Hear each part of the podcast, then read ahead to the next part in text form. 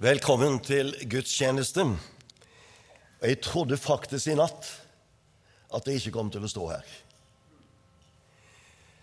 For jeg fikk en halsbetennelse på fredag, og den angrep kroppen. Og i natt var det tett i hodet, tett i nesen, tett i halsen. Og hvordan i verden skulle jeg greie å preke på en søndagsformiddag?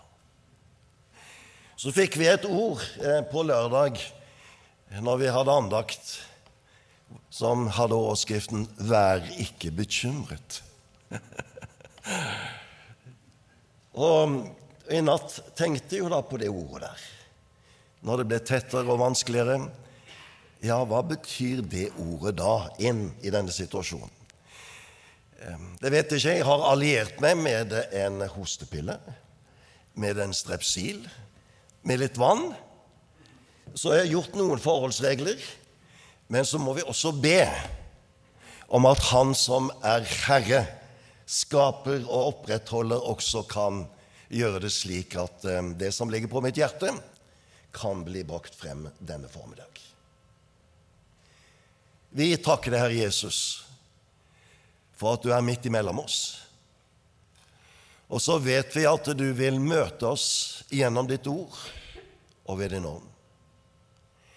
Og nå ber jeg, Herre, om at du gir meg den kraft og den styrke som jeg trenger for å bære frem det som du har talt til mitt hjerte. Og vi ber, Herre, om at du må virke slik at ditt ord og din ånd skaper noe nytt i våre liv. Hør oss du, Herre. Amen. Da det ble klart at jeg skulle tale på denne søndagen, så kom et ord ganske tidlig til meg. Og det er ordet altså 'dere skal være mine vitner', eller 'dere er mine vitner'.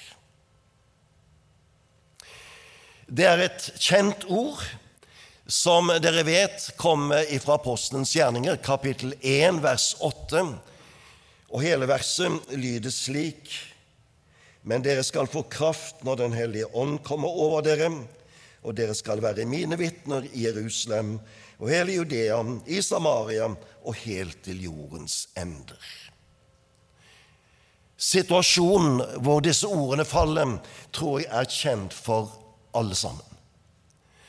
Jeg tror kanskje at dere ser for dere at det er elleve disipler som står ute på Oljeberget sammen med Jesus, og det er den siste avskjedsstunden.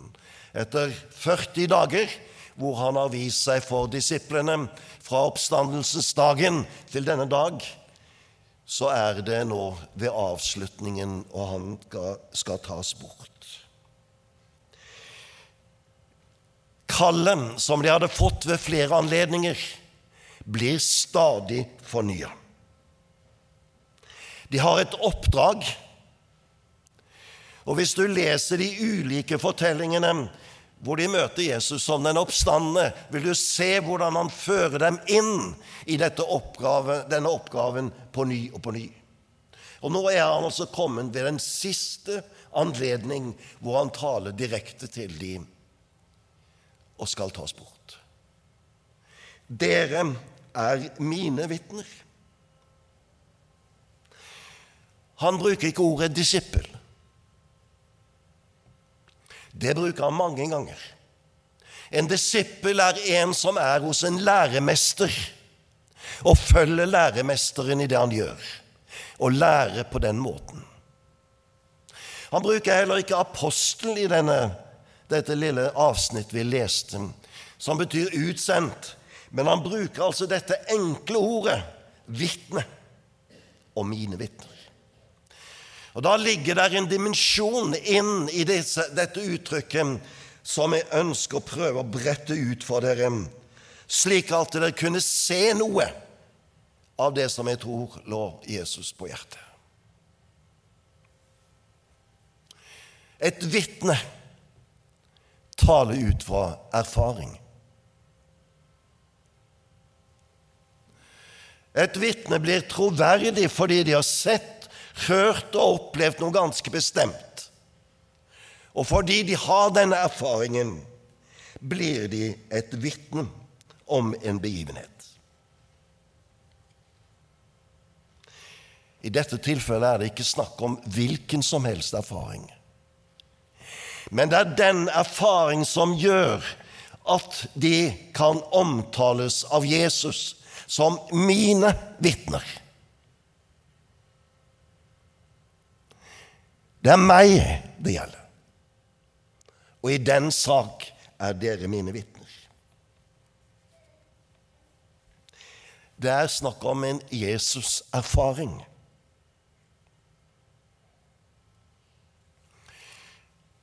Og så kan vi stanse da et lite øyeblikk med disse disiplene. Hvilken erfaring og hvilket erfaringsbakteppe er det de har? De har gått ifra herlighet og medgang til nederlag og redsel. De har fulgt Jesus i tre år. De har fulgt han i Galilea, i Samaria, i Judea. De har sett hvordan han har helbredet mennesker. De har sett hvordan de har strømmet til i tusentall. Og de har sett en variasjon av holdninger og handlinger fra Jesus' side. Og de har hørt ham forkynne med en autoritet og en myndighet som ingen andre hadde. I en slik situasjon er det klart at dette er herlig. Tenk å være med på noe slikt. Tenk å oppleve de tusener som kommer for å høre Han som er min mester. Og da de la ut på den siste reisen mot Jerusalem, som starta opp i Cesarea Filippi øverst i Galilea, så var det på mange måter en triumfferd nedover mot Jerusalem. Og tre av dem ble også med på det vi litt populært kaller Tabors berg. Og så fikk de høre Moses og Elia tale med Jesus. Kjempeopplevelse. Fantastisk. Og da de rir inn i Jerusalem palmesøndag, så opplever de at folket kaster grener fremfor, og så roper de Hosianna, Davids sønn, velsignet er Han som kommer i Herrens navn. Snakk om medgang. Snakk om store vyer.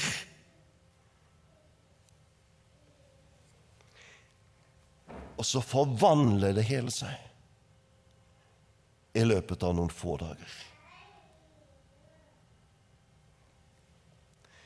Fra dette tilsynelatende uovervinnelige triumftoget blir det plutselig nederlag. Og Peter, som hadde vært den mest frimodige av de alle, han illustrerer denne fornektelsens nakenhet.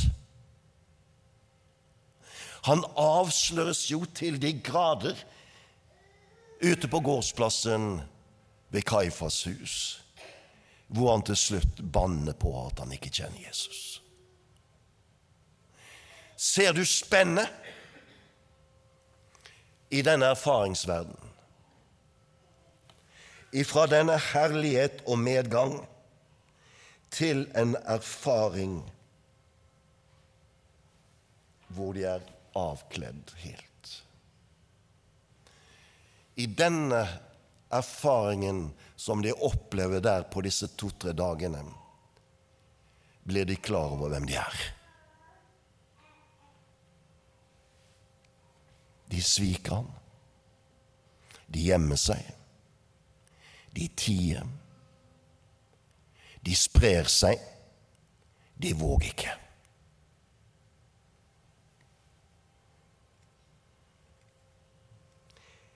De flykter og er svikere.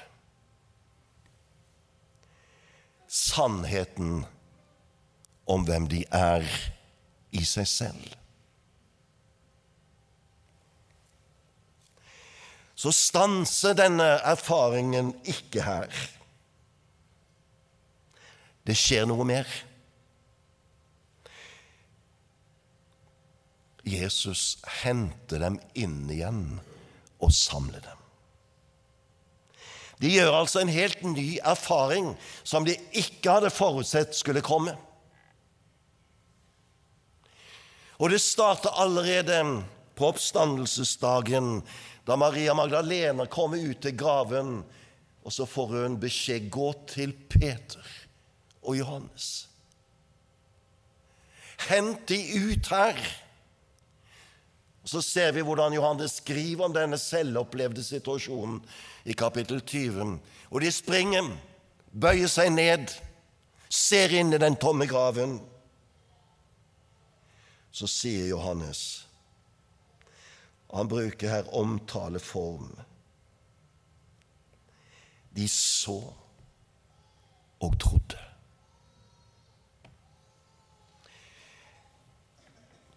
Og Johannes føyer til ved den anledning fram Det er en kommentar som Johannes gir til denne begivenhet, hvor han sier da i kapittel 20, vers 9.: Fram til da hadde de ikke forstått Skriftene. At han måtte stå opp fra de døde.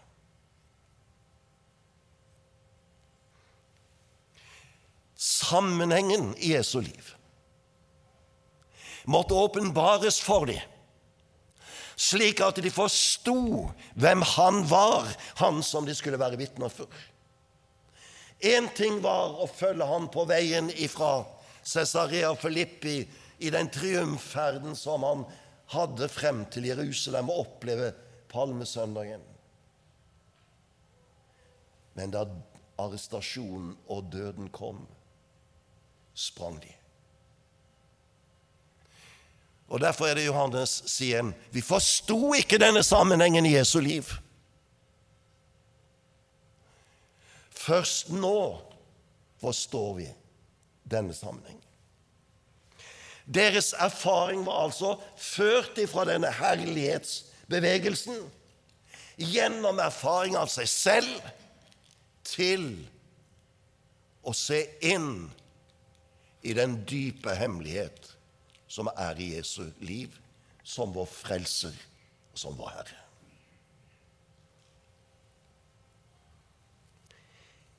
De erfarer å være elsket av Jesus.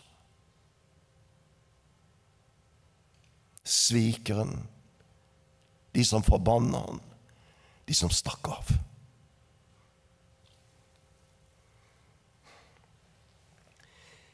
I sin avskjedstale til disiplene hadde Jesus sagt i Johannes 14.: Fred etterlater jeg dere.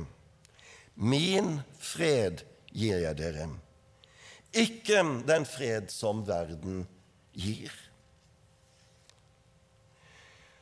Så kjenner dere til at når Jesus nettopp kom som den oppstandende, uventa inn i ulike sammenhenger så brukte han ofte dette uttrykket 'fred være med dere'.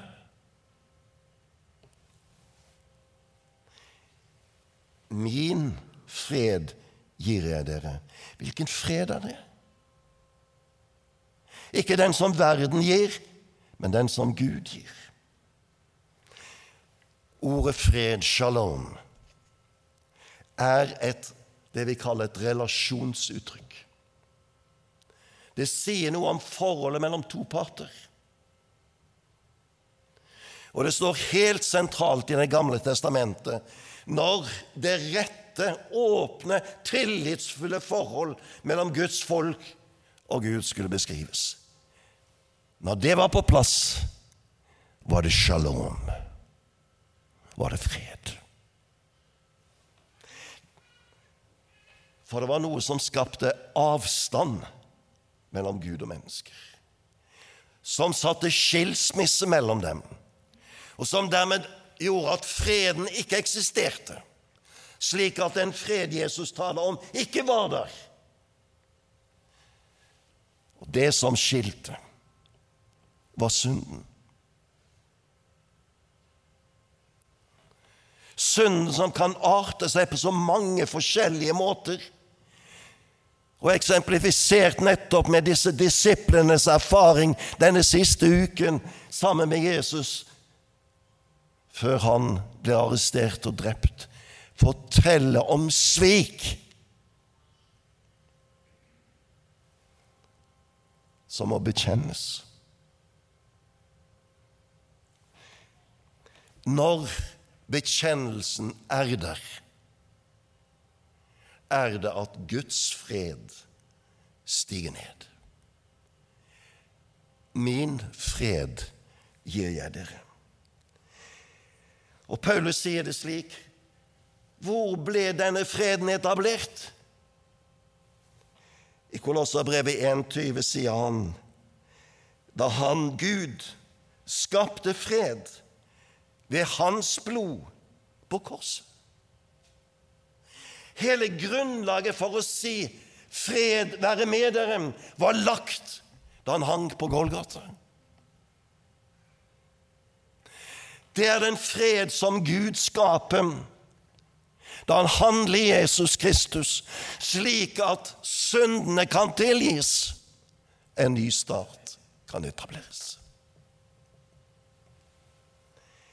Min fred etterlater jeg dere, ikke den som verden gir. Og et annet sted i Romerbrevet 5 kapittel 1 sier Paulus den da vi altså er blitt rettferdige ved tro, har vi fred med Gud ved vår Herre Jesus Kristus. Der eksisterer ingen fred med Gud uten på grunnlag av det Jesus gjorde da han døde. Og det eksisterer ikke noe fred i mitt liv uten at jeg har tatt det til meg i tro, slik at det er blitt den fred som Gud skaper i mitt hjerte.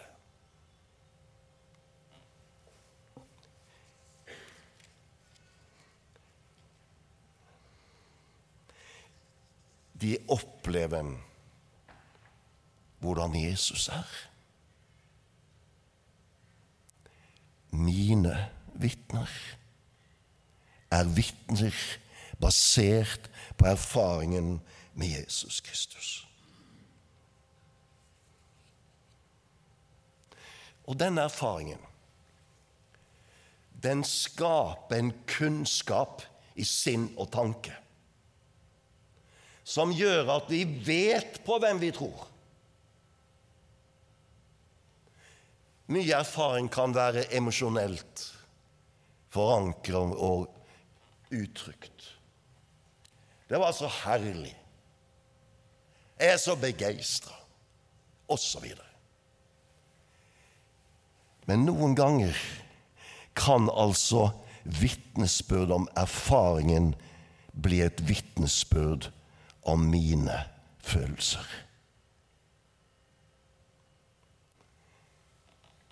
Det er jeg ikke satt til å vitne om. Å brette ut mine følelser som et vitne for Jesus skulle på en måte lokke andre til å komme til Jesus. Nei. Da presenterer jeg meg selv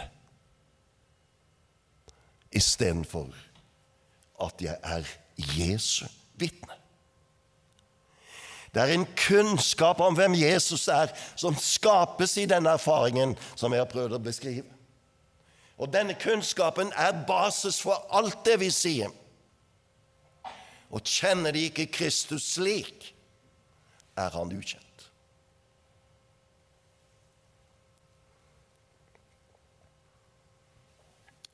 Erfaringen av Jesus, av evangeliet, i ditt liv. Fordi du trenger tilgivelse for dine synder.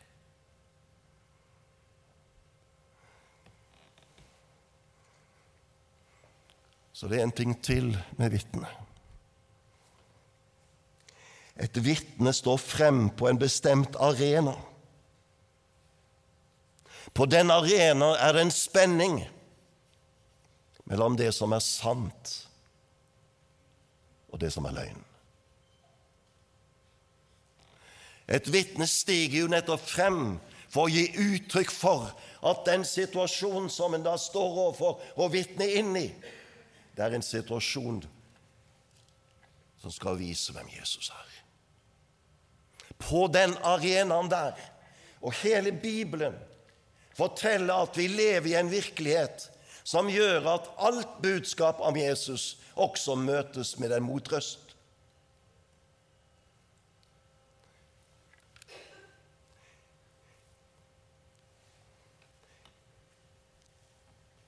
Djevelen betyr løgner og bedrager. Allerede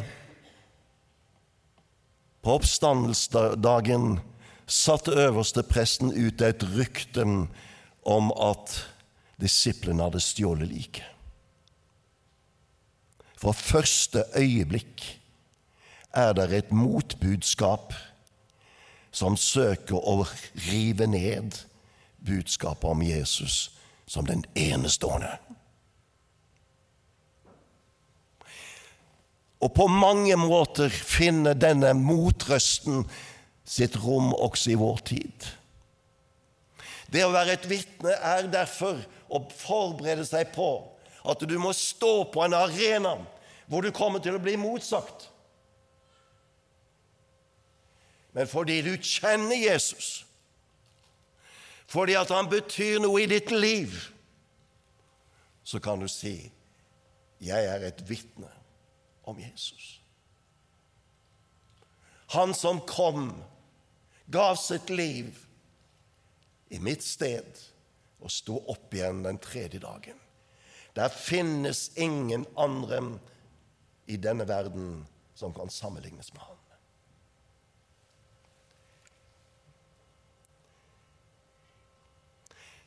Djevelen søker alltid å forblinde de vantroes sinn, slik at lyset fra evangeliet ikke skal skinne i deres hjerter. Det sier Paulus i 2. Korinterbrev kapittel 4 vers 4. Slik er han. For å tilsløre evangeliet. Og Derfor er det altså at det,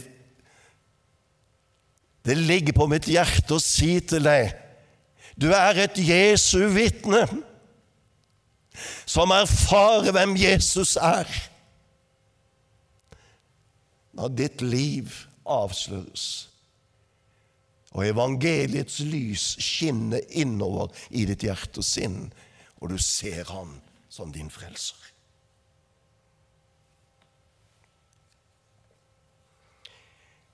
mine vitner. Jerusalem, i Judean, i Samaria, like til jordens ende, sier Jesus det i den sammenhengen. Uten penger, uten våpen, uten makt, ingen konge eller keiser. hva står han da igjen med? Ja, teksten sier det. Dere skal få kraft idet Den hellige ånd kommer over dere, til å være mine vitner. Hva er det med Den hellige ånd som virker på en slik måte at det gir kraft til et vitne? Og Da vil jeg understreke to ting til slutt.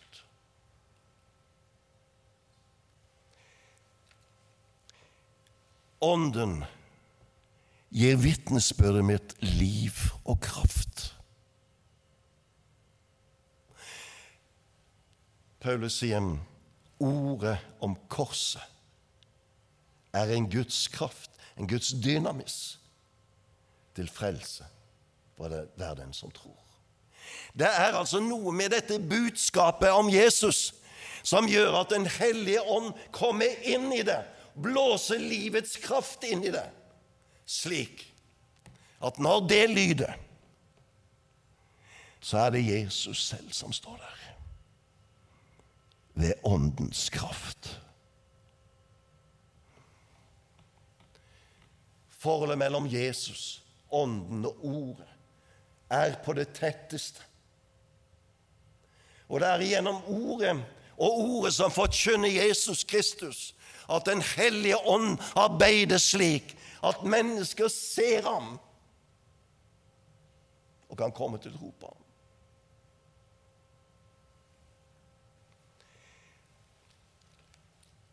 Disse vitnene skulle erfare denne åndens kraft i budskapet.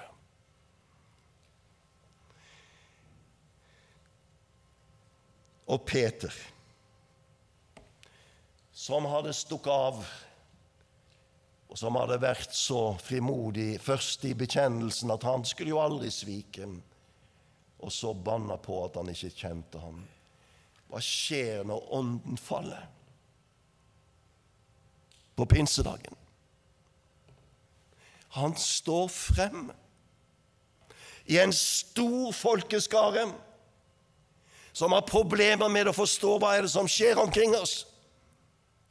Og så forkynner han Jesus Kristus på bakgrunn av Skriftene. Og han gjør det slik at åndens kraft er over budskapet, og det stikker dem i hjertet, og de spør hva skal vi gjøre? Omvend dere. 3000 ble frelst. Det starter der. Den hellige ånd som falt på pinsedag, den hviler over Betlehem. Den hviler over Guds menighet. Derfor kan vi også i dag i frimodighet forkynne Jesus Kristus. Og vi vet at Gud selv handler.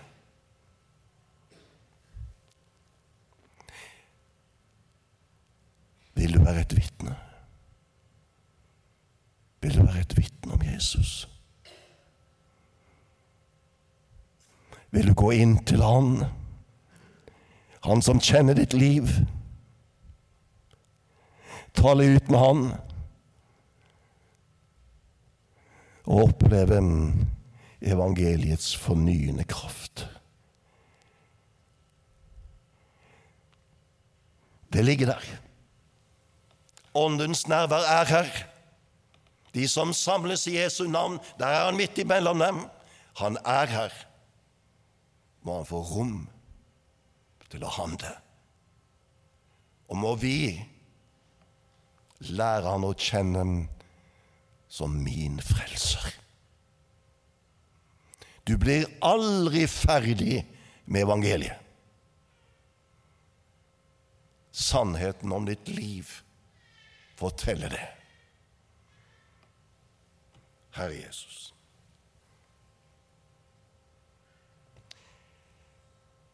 Se til oss i din nåde. Gjør din gjerning imellom oss. La ditt rike vokse. Må vi få være dine vitner i vår tid. Amen.